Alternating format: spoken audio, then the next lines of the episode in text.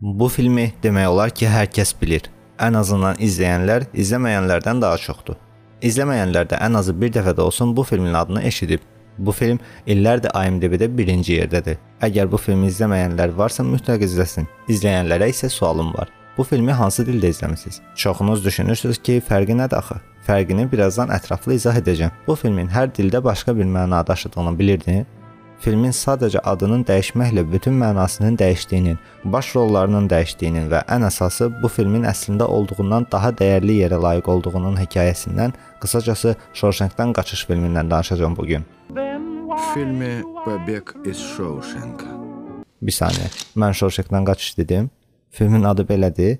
Əgər filmə rusca baxmısansa, bəli. Filmin adı Побег из Shawshank. Lakin filmin adının da, özünün də həbsdən qaçmaqla yaxından uzaqdan əlaqəsi yoxdur. Film heç bir günahı olmadığı təqdirdə həbs yatan, yaşamaması gərəkən bir həyatı yaşamaq məcburiyyətində qalan bir adamın hekayəsindən danışır. Ən azından ilk baxışdan biz bunu belə başa düşürük. Film elə təəssürat yaradır ki, biz elə bilirik bu film bir növ qisas filmidir. Adam qisasını alır və həbsdən qaçır və budur, sizə Shawshank-dan qaçış. Lakin filmin adı Shawshank-dan qaçış filmi deyil. Filmin adı Shawshank-in təmizlənməsi anlamına gələn The Shawshank Redemption-dur. Filmin adını bilərək izlədikdə artıq film sizə başqa bir şeylərdən danışır. İlk başda düşünə bilərik ki, bu təmizlənmə vicdanın azad edilməsi Endiyə aid olan bir şeydir. Lakin diqqət yetirsək görərik ki, burada vicdanını təmizləyən insan Endi deyil, çünki Endinin bunun üçün bir əsası yox idi. O dürüst və namuslu bir insan idi. Günahsız yerə həbs edilmişdi, dürüst və namuslu biri olaraq da oradan qaçmışdı. Yaxşı, bəs bu kimə və nəyə aiddir? Həbsxanaya ola bilər? Filmi izlədikdə görürük ki, filmin başında həbsxanada vəhşilikdən, qanunsuzluqdan başqa bir şey yoxdur. Lakin filmin sonunda bu tamamilə dəyişir və həbsxana artıq normal və mədəni bir quruma çevrilir. Bəlkə də bu hekayəni bizə danışan Redə aiddir. İlk başda hər dəfə yoxlamada günahının cəzasını çəkdiyini və artıq normal insan olduğunu deyirdi. Lakin ən sonda bunun belə olmadığını qəbul edir. Willis Boyd Redding, yəni hər kəsin dediyi kimi Red. Bəlkə də bu adın qısaltması ilə yanaşı həm də redemption sözünün qısaltmasıdır. Bəlkə də elə hər ikisinə aiddir. Andy həbsxanaya girməzdən əvvəl həbsxana gündəlik rutinləri və sərt qayda-qanunları olan bir yer idi. Hər kəs hər gün eyni işlə məşğul olur və dünyaya dair bildikləri hər şeyi, eləcə də öz şəxsi özəlliklərini itirirdilər.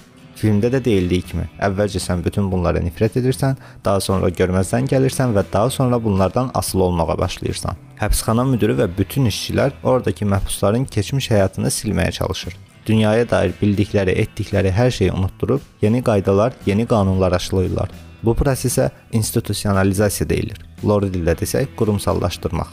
Məhbusları çöl dünyaya, cəmiyyətə adaptasiya etmək üçün çalışmaq əvəzinə Shawshank onların əlində olan ümidləri və həyata dair olan hər şeyi əllərindən alır. Məsələn, Brooke Məlum məsələdir ki, çox yaxşı insandır və gənclikdə etdiyi hansısa səhvə görə illərdir həbs yatır. Bu illər ərzində Brooks-un şəxsi həyatından və düşüncələrindən əsər əlamət qalmadığı kimi azad olunacağını eşitdikdə az qala bir cinayət daha işləyəcəkdi. O azadlığa çıxır, lakin dünyaya ayaq uydura bilmir və intihar edir. Azadlıq ona həbs kimi gəlir. Həbsin ona azadlıq, azadlığın isə həbs kimi gəlməyi məsələ institusionalizasiyadır. Lakin Andy həbsxanaya gəldiyi gündən demək olar ki, oradakı hər şey dəyişir və yeni yazılmamış qanunlar yaradır. O bu illər ərzində kitabxana açır, müəllimlik edir, insanlara dünyanın hələ də var olduğunu bildirir. Nə qədər pis vəziyyətdə olursan ol, bir çıxış yolu hər zaman var və ən pislərin içində belə yaxşı bir şeylər var. Andy bunu aşılayır insanlara, yəni ümid verir və buna görə də öz həyatını dəfələrlə təhlükəyə atır. Məsələn, məhbuslara pivə verə bilmək üçün qanunsuz bir işdə nəzarətçiyə kömək edir və ya qanunu pozaraq bütün məhbuslara musiqi dinlədir. Bütün bunları edərkən o çox xoşbəxtdir, çünki heç bir gözəlliyin olmadığı yerə bir gözəllik gətirir. Film bizə hər xoşbəxtçiliyin bir bədəli olduğunu da xatırladır. Endi bu əməllərinə görə çox əziyyət çəkir, lakin burada fokuslanmağımız gərəkən şey insanların düşüncəsinin artıq gedərək dəyişməsidir. O yaxşı bilir ki, yaxşı bir şeylər edə bilmək üçün bəzən pis şeylər etməyi gözə almaq lazımdır. Bununla da biz görürük ki, günahsız insan azadlığa çıxa bilmək üçün pis şeylər edə bilir Eyni zamanda biz görürük ki, günahkar insan azadlığa çıxa bilmək üçün yaxşı şeylər də edə bilir. Və ən sonda onlar ikisi də eyni yerdə, yəni azadlıqda olurlar. Əsl azadlıqda, yəni ruhun və vicdanın təmizlənmiş şəkildə. Bizim üçün Redin həyatını ön plana çıxarır film. Biz bütün bu olanları, Endinin başına gələnləri, qısacası hər şeyi Redin hekayəsindən bilirik. Həyatını ilk tanıdığımız insan Red olur. Yaxşı, bəs niyə? Niyə bu detal bu qədər vacibdir?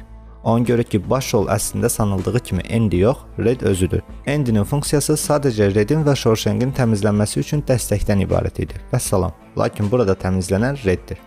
Filmin bir səhnəsində Red deyir: Brooks institusionallaşmış insandır. Öz həyatı əlindən alınmış, bildikləri, yaşadıkları unutdurulmuş və yeni qanunlar, yeni qaydalar aşılanmışdır. O insanın həyatı artıq tamamilə yeni qaydalar və yeni qanunlardan ibarətdir və real həyat artıq onun üçün yoxdur.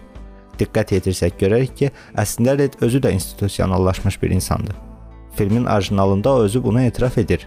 Həyata dair heç bir ümidi yoxdur. Xəyal qurmağı unudub, ümidlənməyi unudub, insanlığı unudub. Həbsdən çıxdıqdan sonra biz görürük ki, o da eynən Brooksun getdiyi yol ilə gedir. Hansı ki Brooks intihar etmişdi. Lakin Red intihar etmir və xəyal qurmağı nəhayət ki bacarır ümidlənməyi bacarır və bütün bunlar Andy-nin sayəsində olur. O, Andy-yə filmin bir səhnəsində belə deyirdi ki, özünü başqaları kimi aparma. Səndən gözlənilən şeyi etmə. Yəni sakit otur və səndən istənilən şeyi et. Sırf bu düşüncədə olduğu üçün Red illərdir azadlığa çıxa bilmir. O, ondan gözləniləni edir və hər dəfə cəzasını çəkdiyini deyir. Lakin Andy ona bu illər ərzində başa salır ki, olduğun kimi ol, dürüst ol. Red bunu anladıqdan sonra azadlığına qovuşa bilir. Brooksu azad edirlər, çünki artıq Brooksdan heç nə qalmamışdı. O artıq Brooks deyildi, sadəcə Brooksun bədənində gəzən başqa bir insan idi. Reddən də gözləntiləri bu idi və ona görə hər dəfə soruşurdular. Tərbiyələndiyinizi və cəzanızı yetərincə çəkdiyinizi düşünürsüz? O da hər səfərində eyni cavab verirdi. Bəli, əlbəttə, artıq normal həyata qayıda bilərəm. Lakin ondan gözlənilən bu deyildi. Ömürlük məhbusları sadəcə institusionallaşdığı təqdirdə azad edirdilər. Lakin Red bunun əvəzinə təmizlənir və ona görə də azadlığa çıxır həyatı olduğu kimi qəbul edir, lakin dürüsttür və olduğu kimidir. Yəni əvvəl olmadığı kimi. Və buna görə də film əslində Andy-nin həbsdən qaçışı barədə yox, Redin təmizlənməsi barədədir. Əvvəl Andy-yə ümidlənməyi burax, xəyal qurma. Reallıq burdadır. Sən burdasan və bunu qəbul et deyirdi. Lakin filmin sonunda ümid edirəm ki, okean xəyal etdiyim kimi mavi rəngdədir deyir.